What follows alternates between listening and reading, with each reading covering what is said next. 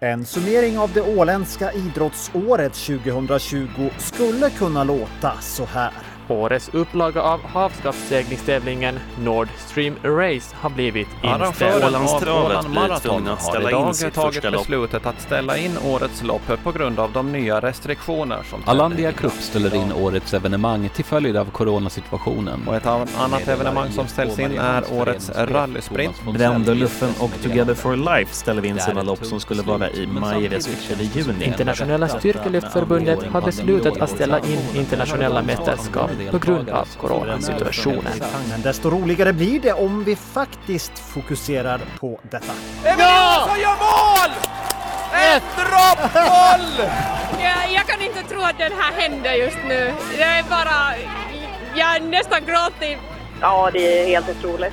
Det, det, det vågar jag bara drömma om. Jag trodde inte att det skulle gå så bra som det gjorde, men sen så låg jag ju först. Det är jättekul, verkligen. Det är superrolig tävling, speciellt när det blir lite annorlunda när man spelar tre olika banor.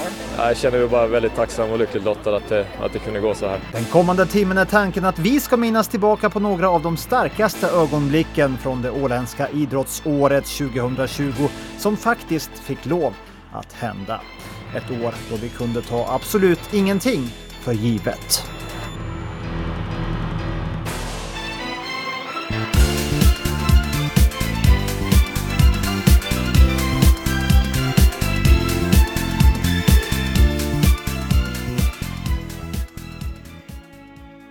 Vi ska vinna ligan i år eh, och det är vi ganska klara med sådär att internt att vi har bestämt oss för det. Och så skulle jag jättegärna eh, se att vi skulle göra bra ifrån oss i kuppen också. Vi var i fjol i cupfinal och man vill vinna cupfinaler. we're trying to re- to uh, to get a trophy that uh, that has not been on the island for, for seven years. We're hungry to, to win games and to I think the fact that we have a sense of togetherness is what's going to really get us through this season. I think we work really hard together, and that's going to be our biggest strength. Bring it on. Stay tuned. Yeah. Ja, om en stund så ska vi återvända till Åland Uniteds säsong, men den hann ju faktiskt inte mer än börja i Eckeröhallen innan pandemin satte stopp för fortsatt spel. Några som tävlade redan tidigt på året, lyckligt ovetande om vad som komma skulle, var skidåkarna Isak Holmström och Jenny Fällman. Holmström slutade på 45 plats i årets Vasalopp. Det var en förbättring med hela 20 placeringar jämfört med året dessförinnan. Ja, jag ser väl i det stora hela så gjorde jag en bra säsong. Eh, höjt min nivå från tidigare år. Tidigare år. Det har väl lite varit min, min målsättning att ta, ta små kliv framåt och, och se det här som en lång, långsiktig plan. Att, och där, där kände jag att jag tog, jag tog ett, ett, ett kliv ännu framåt då i, min, i min satsning och, och placeringsmässigt så, så mina sämsta placeringar senaste säsong nu så de var ändå ungefär som de bästa placeringarna året före det. Så på något sätt så har jag gjort, gjort saker rätt i, i min träning och har gått framåt och det är jättemotiverande och, och givande. Mm. Men för om vi tittar på de placeringar och de lopp som du var med i i långloppscupen så var det ju placeringsmässigt ett steg framåt och så just då Vasaloppet som vi nämnde. Det var ju din bästa placering någonsin med 45 plats. Det stämmer och det är jag väldigt, väldigt nöjd över. Annars så om jag får vara lite självkritisk över säsongen och så kanske visst jag hade tog, tog en, en, nivå, en nivå bättre var jag men kanske den var lite, lite jämntjock den där riktiga, riktiga topptagen, så den, den kanske uteblev där allting klickade, att man hade riktig super, superform och, och gjorde allting strategiskt rätt och perfekta skidor.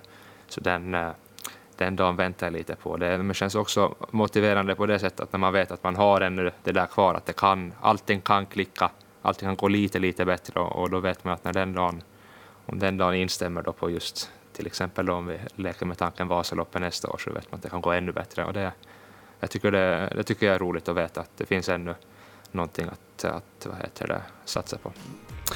Det blev en tuff start på året för skidskytten Jenny Fällman med två motiga världscuptävlingar. I februari blev hon uttagen till EM i skidskytte. En femtonde plats i stafetten blev hennes bästa notering i både EM och världscupen. För Jenny blev 2020 ändå början på någonting nytt. I början av maj så flyttade Jenny Fällman till Norge och Oslo för sin fortsatta satsning på skidskytte. Förutsättningarna för det här året har ju varit väldigt bra. Och, ja, men jag hade ju svårt att veta vad jag skulle förvänta mig innan jag flyttade hit. Då. Men eh, nej, jag tycker att eh, det har varit helt eh, toppenbra och väldigt nöjd med, med det jag har gjort under året. Och, eh, varit frisk i stort sett eh, ända sedan ja, hela träningssäsongen. Så att, eh, och det har ju sällan hänt eh, tidigare år. Har du satt upp några nå mål för uh, den här säsongen då, eller hur funderar du? Från tidigare erfarenheter så är det väl bäst att jag inte egentligen har så stor, lägger så stor press på mig själv liksom, eller förväntningar att, eh, att prestera utan ja, jag vill göra det så bra som möjligt helt enkelt och se att jag har gått framåt. Proffsboxaren Robert Helenius gick i mars månad sin hittills största match i sin karriär. Adam Kovnatski var tidigare obesegrad och hade knockat 15 av 20 motståndare under sin karriär. Oddsen var låga för ännu en seger, men i New York så satte Robert Helenius stopp för segersviten. Kovnatski var aggressiv i början av matchen, men Helenius kom tillbaka och fick ner Kovnatski med två hårda träffar i den fjärde ronden. Helenius följde upp med ytterligare några hårda träffar och domaren avbröt matchen en 0-6 in i den fjärde ronden. Segern var Helenius efter en teknisk knockout. För mig var det ingen överraskning. Jag visste vad jag har att boxas mot och de erbjöd matchen egentligen för två år tidigare redan så att, eh, och då var jag också av samma åsikt att vi tar matchen när som helst. Så att eh, nu när han håller på att prata om en rematch så jag, jag vet inte vad han ska komma med för ny, nya grejer. Så det kommer att gå helt exakt likadant, om inte snabbare till och med. Vad hade vi för taktik? No, eh, jag är ju en counterboxare, alltså det är min, min bravur och det är det som jag liksom eh, har gjort hela min proffskarriär. Att, att eh, sådana som, som kommer på mig så, så jag är en otroligt bra counterboxare. Jag har bra boxningsöga så jag ser, ser när de kommer på och vart jag ska slå emellan. Så att äh, alla som är kortare än mig och kommer på som, som tunnor så har inte så stor chans. Åland United skulle få chansen till revansch efter den snöpliga finalförlusten 2019. Vägen till cupfinalen gick via en dramatisk hemmaseger mot Kups i semifinalen där United låg under med 0-2, kvitterade i den 95 minuten och tvingade fram ett straffdrama där Åland United stod som segrare först efter sex straffar. Det var en ganska dramatisk dag. Personligen det var en dramatisk match och eh, helt fantastiskt hur laget sätter emot. Alltså vi är ju 2-0 nere och är inte där, vi är liksom nervösa säger man. Det är lite sådär, vi ger ju dem de där målen och vi växer in i det och så börjar vi komma in i det och vi gör ett mål precis för halvtid, det är ju jätteviktigt. Och sen tar vi över bara mer och mer. Det kändes som vi skulle avgöra det innan straffar men det går hela vägen och det är jättedramatiskt. Och lyckligtvis hade vi tränat på det, sen vad det betyder vet jag inte men vi hade gjort det i alla fall. Och fantastisk räddning från Anna där och nej, helt, helt, helt grymt. Och det här var ändå bara början. Åland United hade nu en cupfinal mot Tips att se fram emot den 4 oktober.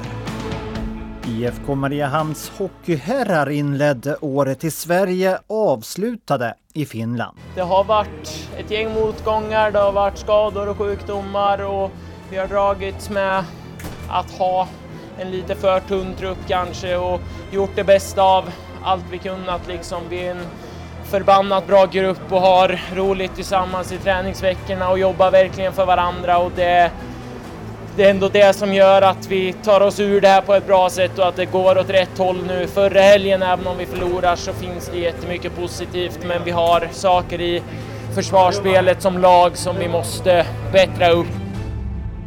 Men vändningen kom aldrig. När IFK hade spelat sin sista seriematch för säsongen så hade man inte ens den negativa kvalplatsen i egna händer. Efter dubbla förluster sista matchhelgen så var det deppigt värre bland spelarna som då ännu inte visste att säsongen redan var över och att IFK Mariehamn skulle trilla ner till division 4. Så här sammanfattade lagkapten Pontus Nylén avslutningen. Vi, vi går in i matchen idag och för att göra allt vi kan när vi har allting i ena händer men det, vi räcker inte hela vägen idag heller och det är jävligt eh, både ledsamt och tråkigt och frustrerande. Är det. Summa summarum, man har facit i hand nu så liksom att det var ju en dålig säsong av A-laget och eh, det känns som att eh, med massa bekymmer som vi hade under resans gång så vi fick aldrig en ärlig chans eh, liksom till, till visa med det här laget vad vi på riktigt går för. för vi, kom aldrig in i, i flowet på det sättet, ett vinnande flow, utan det var uppförsbacke med saker och ting ända från början till slut. Och eh, sen var slutresultatet att vi faller ner till fyran är ju, är ju bedrövligt. Sa Kenneth Westerback som efter säsongen fortsatte som verksamhetsledare i föreningen men lämnade över tränarjobbet till assisterande Thomas Storgård. Det som skulle ha blivit svensk division 4 blev istället spel i Finlands division 3 på grund av reserestriktionerna. Men vinterns serie avbröts i förtid då smittoläget på den finländska sidan blev allt allvarligare.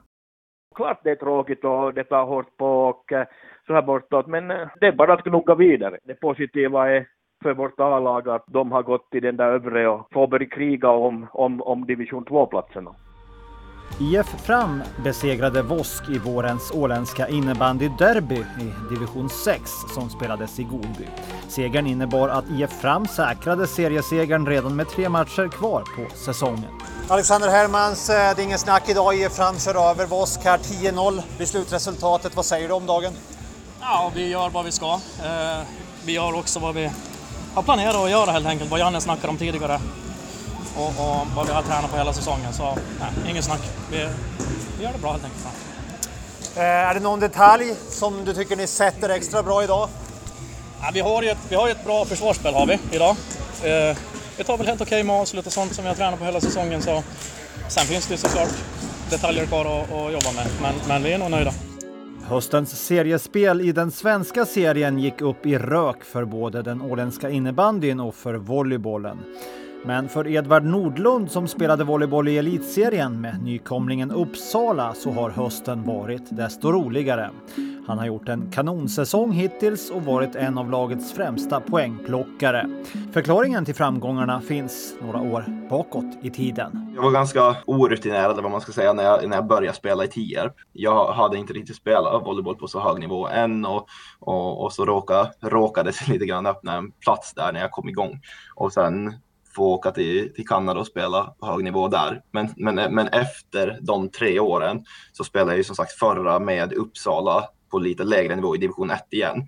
Och jag tror att det blev en ganska bra kombination för att liksom ta ett litet steg tillbaka och finslipa på, på, på några grejer. Och, och nu med liksom alla, allt det i bagaget, ta, ta klivet upp på nytt, eh, uh, har ha fungerat ganska bra. Mitt anfall har blivit uh, bättre framför allt. Uh, eh, och, och, det fanns liksom möjlighet att uh, finslipa det när man spelar på lite lägre nivå för då, då, gör, då har man liksom lite mer marginaler för att göra, för att göra misstag och lära sig grejer uh, än om man spelar på, på hög nivå när det är jämnt hela tiden. Uh, så jag tror, att, jag tror att det var väl en av grejerna som har blivit bättre. Liksom. I februari ordnade Ålands simförening de allra första OM-tävlingarna någonsin. Ellen Voivalin tog guld på både 200 bröst och 50 rygg. Jag är jättenöjd. Jag vågade öppna hårt eh, och så orkade jag hålla i det hela vägen så det blev ett pers för mig med fyra sekunder tror jag. Och eh, jag har inte persat på flera år på den här sträckan så det var jättekul. Hur kommer det sig att perset kom idag då? Jag vet inte, jag tror just det här att jag vågade ta i hårt från början. Och så har vi haft ganska tuffa träningar nu eh, i januari. Så. Just eh, 200 meter bröstsim då, är det en sträcka som du gillar? Jo, det är en av mina favoriter. Den gör ont men det är kul också. Förra året fick hon ta emot utmärkelsen Årets prestation och Årets kvinnliga idrottare vid den åländska idrottsgalan. Sedan dess har hennes idrottande mer eller mindre helt satts på undantag. Det blev ett ytterst magert tävlingsår för den åländska simmaren Olivia Veuro som under en period i våras inte ens slapp till bassängerna för att träna. Vi har haft att man måste springa ungefär kanske tre till fem gånger i veckan helst. Och sen har vi haft mycket mera gym och eh, på sommaren körde vi även mycket typ bollsporter och jag simmar ganska mycket öppet vatten och så. Ja, minns du klorsmaken i munnen ändå? Ja, det börjar bli lite, lite svårt. Lite di diffust sådär, lite dimmigt. Ja. Inställda tävlingar har varit årets tema. Långbane-FM i somras och nu senast kortbane-FM i december som Olivia hade längtat efter. Ja, jag har verkligen sett fram emot jättemycket men i början av veckan fick vi tyvärr veta att det också är inställt. Hur viktiga är tävlingarna för en simmare? Eh, för mig är de jätteviktiga för att det är typ där jag får mest, det mesta av min motivation. Det är liksom, ja, det är typ det roligaste med simning och tävla tycker jag. Hur ser eh, kontakten ut med landslaget för dig? Eh, vi har faktiskt haft två landslagsläger nu under hösten, eh, vilket är ganska förvånande eftersom att allting annat har varit inställt. Vad eh, ger det dig som simmare att vara med i landslagssammanhang? Eh, det ger jättemycket, särskilt nu den här säsongen när det inte har varit så mycket annat så har det gett jättemycket motivation och eh, det liksom är jätteinspirerande att se andra simmare. Sen så har vi mycket mental träning och sånt. Ja, mental träning kan komma väl till pass ett sånt här år för fjolårets stjärnskott som drömmer om EM under 2021. OM i gymnastik avgjordes i oktober i Bollhalla. Då hade gymnasterna inte tävlat på ett helt år. Men 15-åriga Nora Karlsson hade konserverat formen och vann guld i mångkamp, hopp och barr. På matta så gör jag en helskruv fram, den var jag nöjd över och sen på barren så mitt avhopp så heter Boat of Volt och det var jag också nöjd över. Det var mindre nervöst, det kändes mer som en träning fast liksom man hade lite andra kläder och så tränar man liksom bara typ fast man ändå visar upp sig. Mm. Men på grund av att det inte var publik så kändes det inte riktigt som en vanlig tävling eller hur man nu ska säga. Gick det inte riktigt att tända till det där lilla sista då, eller hur, hur kändes det? Nej, alltså man kanske kör lite extra när det liksom är andra som kollar också. För att liksom visa upp sig typ, eller hur man ska säga. Kort därpå väntade klass-FM i Helsingfors där Nora tog guld i landslagslinjens klass 2. Nora tävlade också för sista gången i junior-FM där hon var väldigt nära att knipa en pallplats. Hon var 0,1 poäng ifrån bronset i hoppfinalen och slutade på en fjärde plats. I mångkampen blev det en nionde plats bland totalt 50 tävlande. I februari tog Ove Lehto FM-guld i klassisk bänkpress i Salo när han klarade 242,5 kilo. Jo, jag får vara riktigt nöjd. Det var väl den där formen jag anade att jag var i och presterade väl allt jag hade. Och det räckte. Ett FM-guld ytterligare i raden. Har du någon koll på hur många FM-guld du har? Ja, just i klassisk bänk är det fyra nu. De har tagit alla på rad här nu då. För, för det var det ju Fredrik Smulter som alltid tog guld. så, så det är nog först jag tagit klassiskt. Men sen borde jag ha sex eller sju med eh, skjorta då. FM-guld i bänk. För det har varit färre där än med eh, styrkelyft. För det har varit för Kenta och det har varit Freddy. Och, så nej, jag är glad för alla guld och det är öppen klass som man får vara glad att man kan ta. Det är en, fast man fyller 48 i år nu. Marcela Sandvik, Paulina Lindblad och Christer Gustafsson som var ensamma i sina viktklasser i FM i styrkelyft med utrustning behövde knappast kämpa för gulden, men gjorde ändå bra ifrån sig. Christer som tävlade i 83 kilosklassen för 70-åringar satte två finska rekord i Master 4-klassen. Så var då dagen kommen. Åland United skulle mäta sina krafter mot Tips i finalen av Finlands Cup. Myrbacka stadion, konstgräsmatta. Matchen är igång. Och det är Åro som eh, ska slå på den hörnan från vänster. Eh, Där kommer bollen nu eh, inåtskruvad till Niklas Abro. Ja! Piller. Radik är där och det är historien upprepar sig. Det är återigen en tipsspelare som är sist på bollen. Jag tror det är Joanna Tinnila som är den olyckliga spelaren. Fullt i Dulu kommer på 16 Bra boll. spelar in i mitten till Mietinen. Mietonen skjuter i Ja! mål! 2-0 Yes! till Åland United efter 32 minuter. Och det Fulutudilo får eh, snor bollen eh, just utanför eh, straffområdet till vänster. Går in längs med 16-linjen. Hittar Anni Mietonen som kommer löpande på djupet mellan två backar och fri med målvakten eh, Rena Isokäntä så gör hon 2-0. Och eh, Åland United eh, jublar, har vunnit. Det är pukor och trumpeter och eh, naturligtvis eh, tänkte jag säga. Åland United är eh, cupmästare. Eh, för första gången eh, i historien så är eh, Åhu mästare. Åland United vann till slut med 2-1 och Anna Tamminen som bänkades vid cupfinalen 2019 var nu en av de stora hjältarna. Så häftiga, det finns inga ord. Första guldet för mig och första guldet och jag vet inte, det är bara häftigt. Eh, ja, det var lite nervöst även på plan. Ja, förstås det är nervöst, det är finalen. Men eh, jag tyckte att även i slutet när vi slår lite, kanske inte så bra långa bollar och all, allt sånt, men vi litar på varandra hela tiden som, som alltid. Och när jag kan lita alla backarna som jag har, alla spelare på planen, sånt här händer. Jag kan ju säga att första halvleken var vår och andra halvleken var dem. Att, att man blev ju lite, liksom, det ska man ju inte sticka under stolen med, att när de får ett så tidigt mål i andra så självklart ger det dem också liksom mera, mera power. Och, men, men, men de hade sina, jag skulle inte säga liksom 100% lägen, det var någon som annat Aminen äh, räddade till hörna och så, men, men äh, i det stora hela så, så kändes det ändå rätt kontrollerat även om den andra halvleken var sämre än den första. Väldigt häftigt att vara med om sådana här tillställningar, matcher och att vi lyckas gå hela vägen. Första gången någonsin vinna cupen, det, är, det är coolt. IFK Mariehamn hade också en finalförlust i kuppen i färskt minne inför årets säsong. Men någon revansch blev det aldrig tal om. Laget som hade genomgått stora förändringar tog sig inte vidare från gruppspelet. Det är såklart tråkigt, man vill ju komma så långt i alla turneringar man är med. Men eh, vi har ett, eh, ja, vi har ett ganska nytt lag, ny tränare. Vi, jag tycker vi utvecklas match för match och eh, det kommer nog se bra ut i ligan.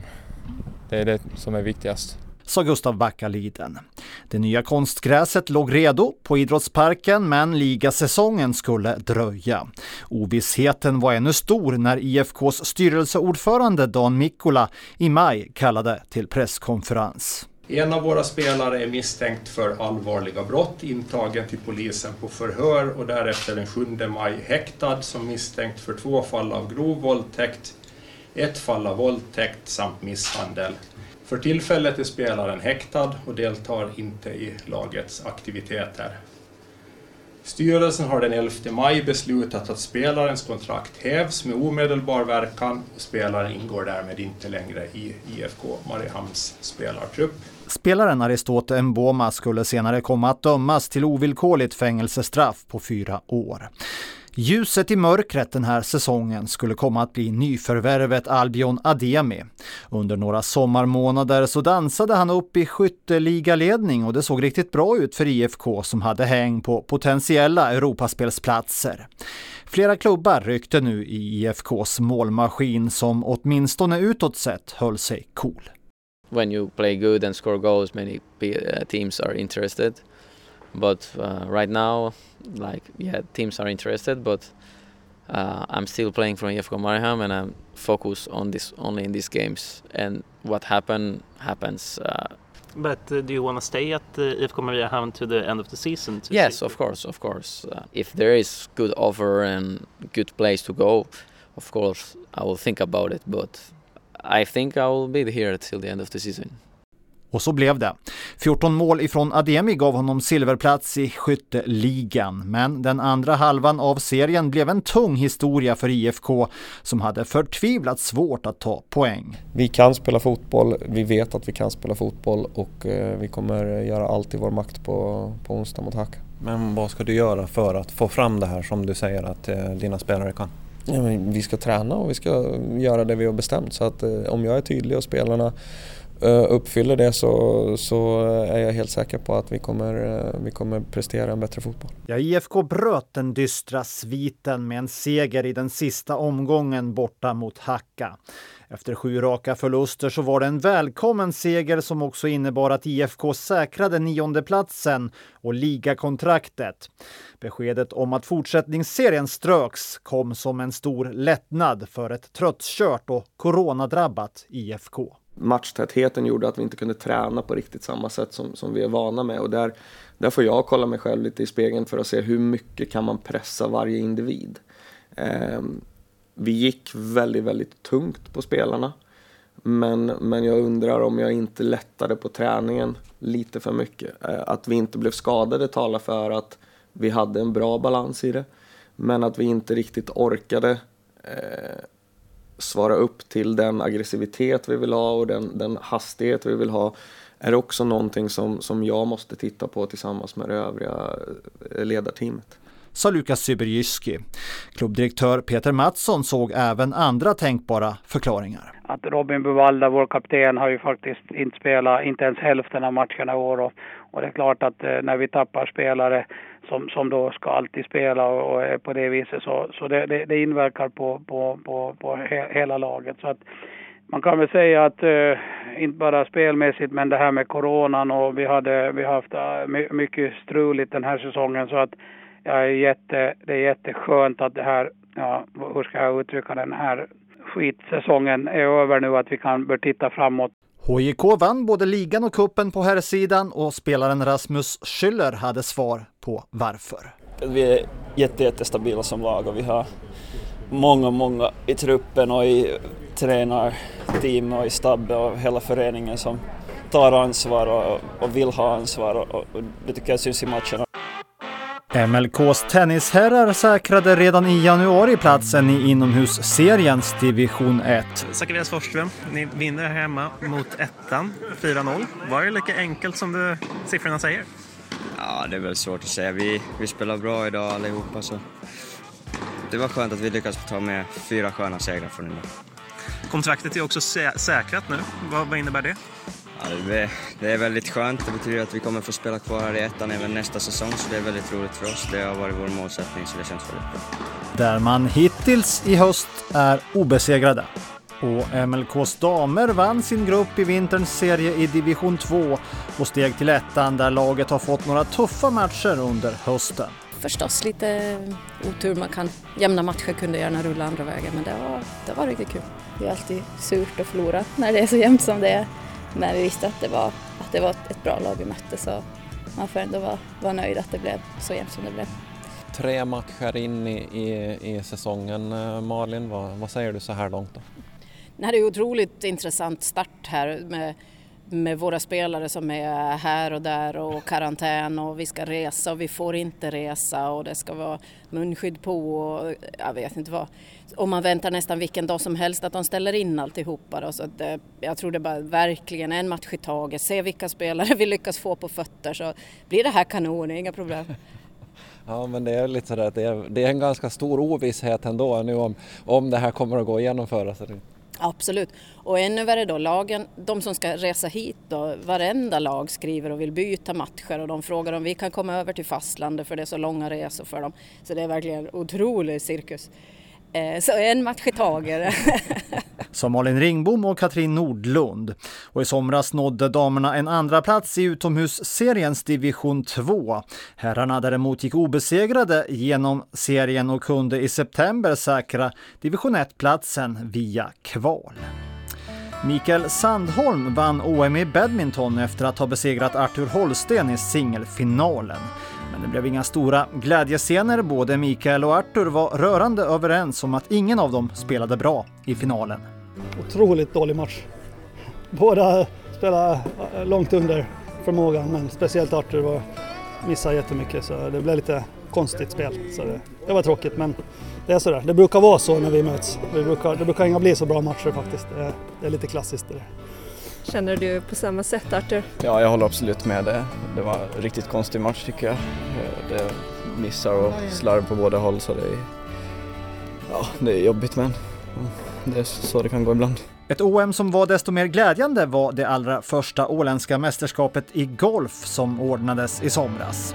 Ett spel under tre dagar, Kungsbanan, Eckerö Golf och grand final på den helt nya Slottsbanan vid Ålands Golfklubb. Anna-Karin Salmén, jag får säga grattis till eh, OM-titeln här. Tack så mycket. Din första. Stämmer, den första.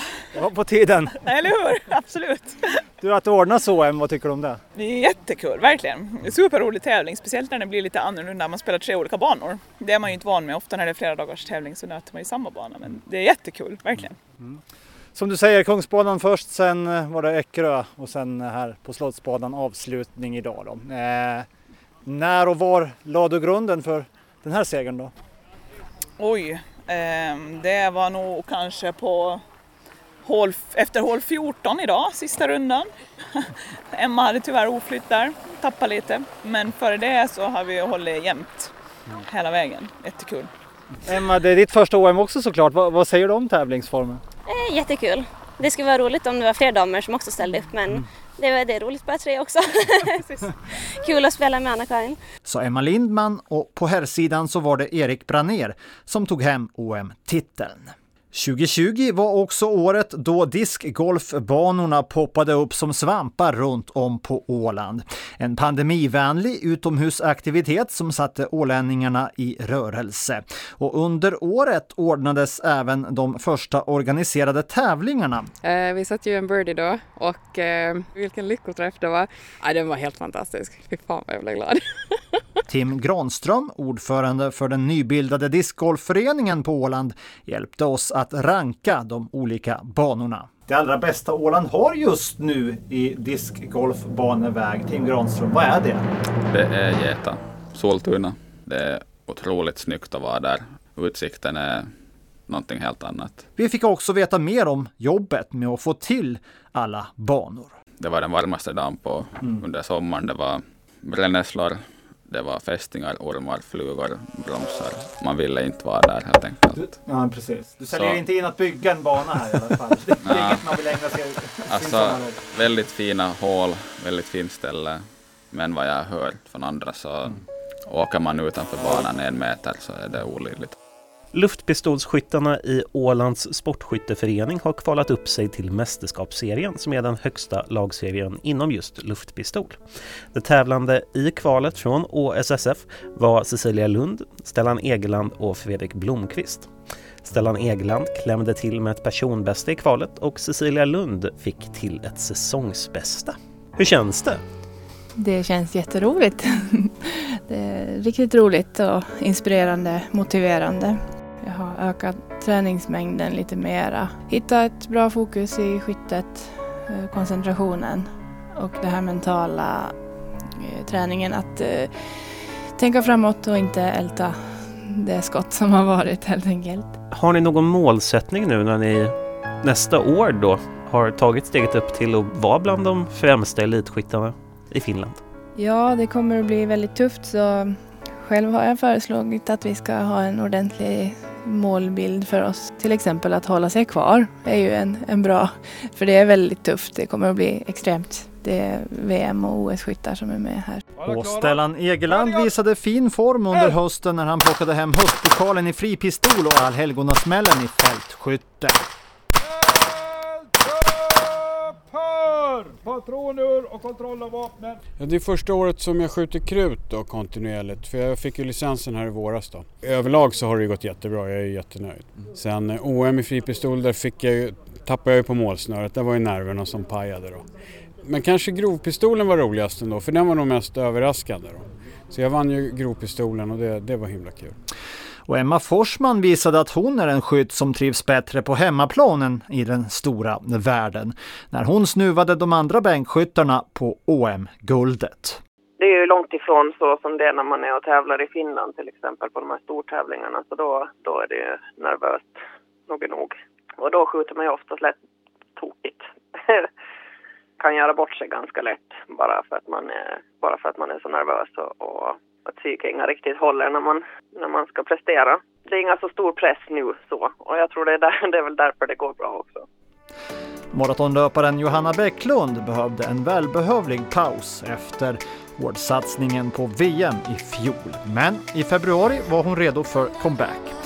Det blev en 41 plats i Barcelona halvmaraton och under sommaren blev det en fjärde plats i SM. Men på det stora hela så var det en tävlingssäsong som gick upp i rök för VM-löparen Johanna Bäcklund. Ja, men jag tycker alltså, vi ska ju vara jätteglada att vi överhuvudtaget kan vara ute och springa. Eh, alltså, det är många länder som är har varit helt stängda så man inte ens har fått gå ut knappt och springa och träna. Eh, så att det ser jag ju som en klar fördel att man i alla fall har fått vara ute och röra på sig och kunna träna på som man har tänkt enligt plan. Eh, sen är det ju såklart tråkigt när man inte får testa formen. Emil Söderlund var en av 15 deltagare som representerade Finland i VM i Backyard Ultra som arrangerades som ett virtuellt lopp det här året. Emil Söderlund sprang 39 varv, vilket är drygt 261,5 kilometer. Han höll alltså igång i 39 timmar innan han klev av. Förklara för mig vad som är vitsen med det här egentligen. Jag vet, det går inte att svara på det. det man, man måste prova på först bara. Det måste ju ändå finnas något inomboende inom en som vill testa på det här. Ja, det är väl att testa sina gränser där lite och se var, var, var när kroppen säger att inga funkar med det. För man får ju sova och så under de här tävlingarna som pågår, men gör man det? Nej, du kanske slumrar till. Som, man har ju typ, ja man kommer att ta ett varv ungefär i snitt ungefär tog det 48-49 minuter för mig kanske och sen ska du äta lite och sen ska du hinna sova då typ 3-4 minuter om du har tur och sen ska du ut igen då. Men går det att underhålla sig på något sätt? För det, det är ju 39 timmar som det bara transporterar dig. Ja, man har ganska mycket podcast som man bara har med lurar på. Så man har lite musik och lite podcast och, och sen det kommer de stunder du inte vill ha någonting i öronen också.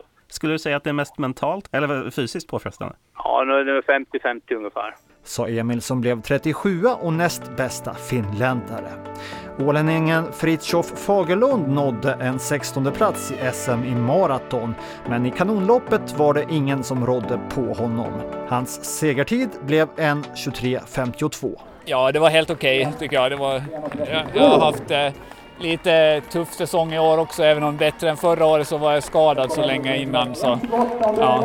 Jag har haft mycket, mycket jobb och sånt i år istället, så lite stört. Men det, det var kul att springa. Det är alltid roligt att springa kanonloppet. I damklassen var Helene Blomster först över mållinjen med tiden 1.49.17. Jag trodde inte att det skulle gå så bra som det gjorde, men sen så låg jag ju först. Och du vet att är man en, en tävlingsmänniska så blir man ju väldigt triggad utav det. Och då känner man inte riktigt efter. Och då är det bara att trampa på? Då är det bara att trampa på. Så var då avgörandets stund kommen i den nationella ligan. Efter en stark säsong med bara tre förluster på kontot så hade Åland United nu guldet i egna händer. Men marginalerna var små. Tips låg på samma poäng och för United gällde det nu att besegra Honka på bortaplan. Snål passning var det som ändå Honka får undan och en rensning nästan som kommer till Milla Punsar. Lägger ut till höger där Savolainen kommer en bit utanför Åland United straffområde. Piller Radik emot sig, överstegsfint en gång, två gånger, kommer vi 16, skjuter i mål! Aj, aj, aj, aj, aj, aj, aj. Honka tar eh, ledningen efter åtta minuter. Uniteds tre förlustmatcher hittills den här säsongen hade slutat just 0-1. Men det här var en dag då ingenting skulle kunna stoppa laget. Eh, att ställa till det i eget straffområde. Oh, där så spelar man rakt i fötterna på Isabella Mattsson, får spela den tillbaka till Osorio yeah! yeah! Honka bjuder på 1-1 och Rosa Maria Herreros Osorio kvitterar! Det skulle vara lite lugnare om det skulle bli ett mål. Ja, det skulle definitivt vara för uh, i Kuopio, uh, mellan Kuopio, uh, Kops och Rips är det fortfarande 1-1. Och, uh, det innebär ju att skulle Tips göra ett mål där, ja då är det de som har handen på pokalen mitt här kommer hörnan eh, som eh, nickas undan av Honka spelar Shannon Simon skjuter ja!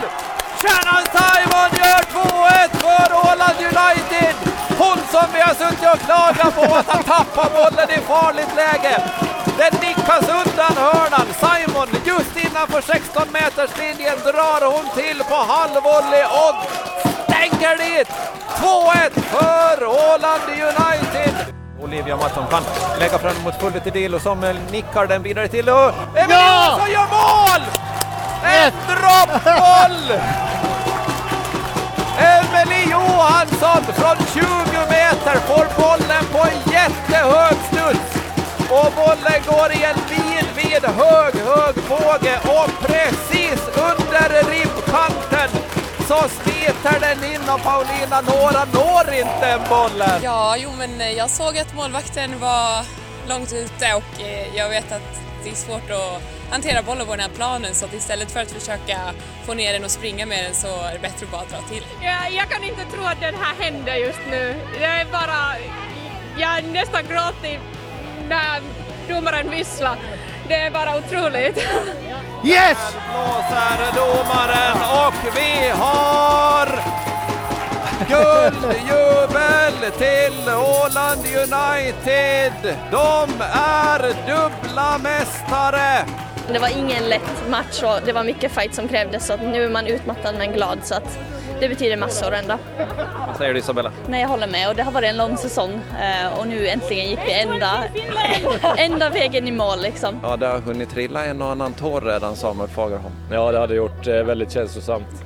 Det är så mycket som ligger bakom det här, mer än bara ett sportligt resultat som sagt. Och, och, nej, det är så mycket utmaningar som laget har tagit sig an för att till slut bli en riktigt sammansvetsad grupp som det finns en otrolig gemenskap och en otrolig driv framåt i. Det kändes som att de drev det själva till slut, så det är så, så man vill ha det som ledare.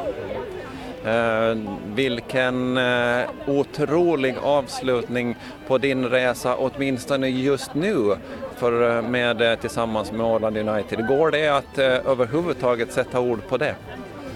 Nej, jag vet inte om man kan skriva sådana här berättelser, eller vem som kommer på det, men jag känner mig bara väldigt tacksam och lyckligt lottad att det, att det kunde gå så här. Det fanns en annorlunda anspänning idag som jag aldrig har känt tidigare, så det var speciellt. Och, och det hade vi räknat med, eller jag räknar med, jag vill att det ska vara så, för det är speciellt. Men det fanns ändå också ett, på samma gång ett lugn. Och fast de gjorde 1-0 på oss så kändes det att vi, det finns ingen annan väg än att vi ska resa oss liksom. Och, och så mycket tillit till spelarnas förmåga på något sätt och mentala styrka. Så det kommer, det kommer bara att hända och, och min, min, vision var att det kommer vara tufft den här matchen och det kommer vara Emelie Johansson som kommer in och gör det. Så där fick jag rätt i alla fall. Du hade det på känn? Ja, ja, ja, men Emelie är sådär, vad heter det, kommer, kommer från ingenstans och gör drömmål liksom. Så det, ja, det var magiskt att det fick vara så. Men Åland United var inte ensamma om att skörda fotbollsframgångar det här året. Caroline Sjöblom fick det perfekta avslutet som tränare för AIK när hon ledde laget till seger i Elitettan och avancemang till damallsvenskan. Ja, det är helt otroligt. Det, det, det vågar jag bara drömma om. Eh, där innan jag tog beslutet att gå vidare och, och någonstans så har jag hela tiden strävat efter att sluta på topp, att eh, lämna vid ett avancemang till damallsvenskan och nu blev den drömmen sann. Så nej, det känns jättebra. Alltså hur rankar du det här i din tränarkarriär? Det är det största, absolut. Alltså att, att ta ett uppdrag eh, med ett lag som inte är topptippade eh, och sen eh, göra det här avancemanget, det, det är väldigt häftigt. Eh, det är ju självklart otroligt mycket hårt jobb, mycket arbetstimmar som, som vi har lagt ner. Så Sjöblom som nu blir förbundskapten för svenska F15 F17-landslaget. Och Finlands damlandslag tog ett stort kliv närmare EM-slutspelet 2022 när man besegrade Skottland både hemma och borta under hösten. Åland Uniteds Anna Westerlund fick fira triumferna tillsammans med lagkompisen Anna Tamminen. Och det var Amanda Rantanens mål med näsan i slutsekunderna i Edinburgh som var allra roligast. Hon visste inte vad hade hänt och alla bara, men du gjorde mål, du gjorde mål! Och vi, vi har vunnit så att uh, hon visste inte att den gick inne i målen eftersom uh, bollen kom helt mot ansiktet så hon var lite ute att vad har hänt men, Ja, men hon, har, hon kollade också många gånger målet efteråt så nu hon vet också. Tillbaka i landslaget var under hösten också Adelina Engman. Hon hade dragits med skador i klubblaget Chelsea där säsongen tog slut i förtid. Men under sommaren så gjorde hon klart för ett klubbbyte. Den engelska ligan skulle bytas mot den franska och spel i Montpellier.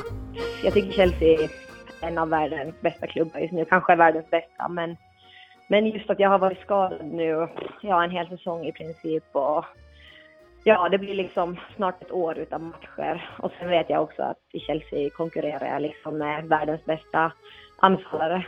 Så då kändes det som att jag måste tänka lite realistiskt också. ja, jag tror att jag har en större chans att få speltid i Montpellier, även om det också är en väldigt bra, bra klubb liksom. Södra Frankrike, mycket nära Medelhavskusten, något närmare Spanien än Italien. Hur mycket visste du om klubben och platsen när du skrev på? Ja, inte jättemycket egentligen, eh, men vi mötte Montpellier två gånger med Chelsea när jag spelade där. Så jag visste ändå att det var ett bra lag liksom och, och sådär. Men ja, jag hade väl inte, eller så mycket mer än det visste jag väl egentligen inte. Första målet i den nya klubbtröjan kom i genrepet inför ligastarten. Ja, jag har haft lite, lite chanser de tidigare matcherna också, men tyvärr inte gjort mål. Så det var skönt att få sätta, sätta ett mål nu inför premiären. Och när halva ligan har spelats så jagar Montpellier närmast tredjeplatsen och Bordeaux efter att Paris Saint-Germain och Lyon har tagit lite av ett ryck i tabelltoppen. Och hemma på Åland så kastade Jomala IK in handduken i seriespelet. Men FC Åland valde att genomföra säsongen i en enkel serie med 12 matcher och var återigen ytterst nära ett avancemang till division 2. För att bättra på chanserna så plockade laget under hösten in Amos Ekali och Daniel Sjölund som öppnade för spel igen. Nu, nu är jag öppen för att spela lite var som helst. Och det kanske får se dig som anfallare i alla fall då? Ja, kanske, kanske det är dags. För att sluta cirkeln på något sätt. Lite till vänster där va? Ja precis, tillbaka från Marcus Böhle och spela som forward. Så det, det hade varit något. Men 1-1 i den näst sista matchen hemma mot Peimari United innebar att seriesegern i praktiken var utom räckhåll. Att Reskaramani ännu en gång vann skytteligan i serien var klen tröst. Ja, det är ju lite tråkigt faktiskt, eller inte ens lite, det är mycket tråkigt eh, när vi har det här med, med några minuter kvar egentligen så leder vi och då, då ligger vi på första plats har, har allt i egna händer och, och så där så släpper vi in ett mål, inte, inte det så mycket att säga mer än att det är trist. Men med lite distans till det hela så kunde Reskar ändå glädjas åt att det faktiskt blev en säsong överhuvudtaget. Som vi har hela säsongen pratat om att inte det inte det är så att vi bara spelar för att nå den där första platsen utan det, det är ju för att utvecklas, det är för att ha roligt det är för liksom, ja, det är därför man håller på med fotbollen, den här roligheten och, och, och utvecklingen och, och sånt. Så att vi har nog haft jätteroligt och vi, till och med sista matchen när vi visste att liksom, äh, vi kommer nog inte nå första platsen hade vi superkul. Ida Zetterström som tävlar för Alandia Motorsport tvingades välja bort Europaserien mot FM där hon utan några större problem blev finländsk mästare i Super Street Bike. Det stora glädjeämnet under året var att hon för första gången körde under 7 sekunder. Under en och samma tävlingshelg i Kauhava lyckades hon med konststycket att köra sex repor under 7 sekunder. Hon putsade sitt personbästa till 6,885, den andra snabbaste tiden någonsin i Europa i klassen och även nordiskt rekord i Super Street Bike. När vi körde första sexan, som vi gjorde för några helger helger sedan tävlingen före. Eh, det var nog nästan ännu mer respons för att det var så stort att komma under 6 sekunders gränsen. Eh, men för oss känns väl det här egentligen ännu större. Varför tror du att det gick så bra? Ja, det är väl egentligen eh, tre faktorer störst. Främst är ju banan. Det var en väldigt bra bana. Det är någonting som är väldigt viktigt för oss att vi får liksom rätt underlag och, och allting och det hade FHR gjort väldigt bra. Andra är ju att vi har ett riktigt bra team. Vi är sammansvetsade. Vi har lyckats hitta de inställningarna som vi har behövt göra så att hojen eh, jobbar så som vi vill med de nya delarna vi har satt på och efter min körstil och efter banan. Eh, och tredje är ju att vi har väldigt bra delar. Eh, vi har några nya sponsorer som till exempel har gått in i år med eh, ny turbo som vi kör med i år och den har funkat riktigt bra. Så det är väl det är bana, team och bra grejer. Så gick det så här. I OM i motocross så var det Ivo Meltzas som hamnade högst upp på prispallen i MX1 efter att inte ha förlorat ett enda hit under årets tre OM-tävlingar. Ja, det känns nog bra. Det, man har ju lite jobbat för det här och, och inte har det blivit så mycket OT-tävlingar i år. Då måste man ju vara nöjd med det. Man måste vara helt slut i kroppen och musklerna efter en dag när man håller på med hojen. Jo, det är man nog. Men det är ju hur man förbereder sig. Man har ju konditionstränat och styrketränat nästan hela vintern. Men för det känns inte som det är så mycket kondition, alltså så här utifrån? Ja, det kanske ser ut så, men jag har ju kört med pulsklockan på och vi har ju den här heatet 15 minuter plus två varv. Den går inte en enda sekund under 170, pulsen. Vad har du i vilopuls? Så att man har ja, vilopuls har jag 45, 48 och sånt. Oj! Den att sticker det är ju, iväg. Ja, det är ju det som adrenalinen, det slår ju lite extra till. Att om man tänker på min ålder är ju 180 är ju över min maxpuls redan. Eh, du, eh, när du tar emot eh, priset så kallar de, säger de att gammal är äldst. Känns det, så? Ja, det- det är ju, de säger ju egentligen det att det är ju ungarnas sport. Om man tittar runt i världen som i VM-nivå, där är ju äldsta förare i dagens läge 34. Oj. Ja, att det, de flesta är ju mellan 20 och 30. Hur gammal är du? Eh, 42 tror jag. Ja, motocrossen hade ett rekordår under 2020 med fler banavgifter än någonsin. Något som gladde sektionens ordförande Björn Ekstrand. Det går allt åt rätt håll liksom och det är riktigt roligt och det är ett jäkla engagemang och drev i sektionen. Men vad är det som eh, det beror på att eh, det har blivit så många fler banavgifter? Då? Nja, no, men det, vi har kört mycket crossskolor, prova på dagar. Mm. Fått in mycket juniorer och de har kompisar och de har kompisars kompisar och, och, och många pappor som kör eller har kört. Eh, och även enduron har ju växt jättemycket här på Åland. Och, och i, i största gruppen idag då, så där är väl hälften liksom enduroförare som, som har valt att komma och köra AM, liksom och det är riktigt roligt. Efter tre raka segrar i finalen av den finländska seglingsligan så petades OSS och Alandia Sailing Team ner från tronen. När Esbo seglarförenings unga besättning tog hem segern i finalen i Mariehamn. Alandia Sailing Team tvingades också lämna återbud till Champions League-finalen baserad på fjolårets liga. Istället fick Sverigebaserade Marcus Rönnberg, Melker Lundberg, Isak Nordlund och Måns Lundberg chansen att representera OSS i finalen. Både jag och Melker var med förra året i, i Sankt Petersburg då, i, i semifinalen. Tyvärr då så räckte det inte till final men, men vi tror absolut att det kan hjälpa att ha varit med i en semifinal förut. Det skulle ju ha seglat semifinal här på Åland också men coronan har ställt till med så mycket. Men nu blir det samtidigt er biljett in i en final nu då. Vad, vad, tänker ni om vad, vad ni har för press på er att göra bra ifrån er här nu då? Ja, det är väl såklart lite pressat, man vill ju, man vill ju ändå hålla en hög nivå. Alla andra sailing team är ju duktiga så vi, vi hoppas ju kunna prestera minst lika bra som dem då. Porto Cervo, har ni seglat där förut? Nej, faktiskt första gången som jag ska till Medelhavet och segla. Så det, men jag har hört att det är ett riktigt fint ställe, så det är världsklass. Så Isak och Melker som öppnade starkt under finalens första dag och hade tätkänning efter två inledande segrar. Men till slut trillade OSS ner till 13 plats. KSSS med Björn Hansen blev 21 i finalen. Vi är givetvis enormt missnöjda med det. Vi hade väl på något sätt målat upp att det skulle bli svårt att göra ett toppresultat i och med att vi är lite utspridda. Jag här på Åland och mina andra besättningskillar i Sverige då. Så att vi har haft svårt att få ihop träning och tävling i år. På något sätt så intalar man väl sig själv lite att ja, men det kanske de andra inte heller har lyckats göra. Eh, men vi märkte ganska snabbt att våran högsta nivå fanns där men våran lägsta nivå var alldeles för låg. Travhästen Jeppas Unplugged som tränas av Jan Söderström sprang tidigt under året hem 300 000 svenska kronor i prispengar efter segern i ett treåringslopp på Solvalla. Ja, den var fantastisk. Loppet som sådant så blev ju helt perfekt ifrån våran del då. Vi var ju lite oro hur han skulle kunna svara upp ledningen. För det visste vi att skulle vi få ledningen så hade han respekt med sig för han blev ju spelad favorit då. På upploppet så såg det ändå ut som att kusken Kai Videll satt ganska lugnt där i sulken. Fanns det mer att ge om det hade behövts? Eh, Det, det fanns det och han sprang fortast igenom kurvan efter målet.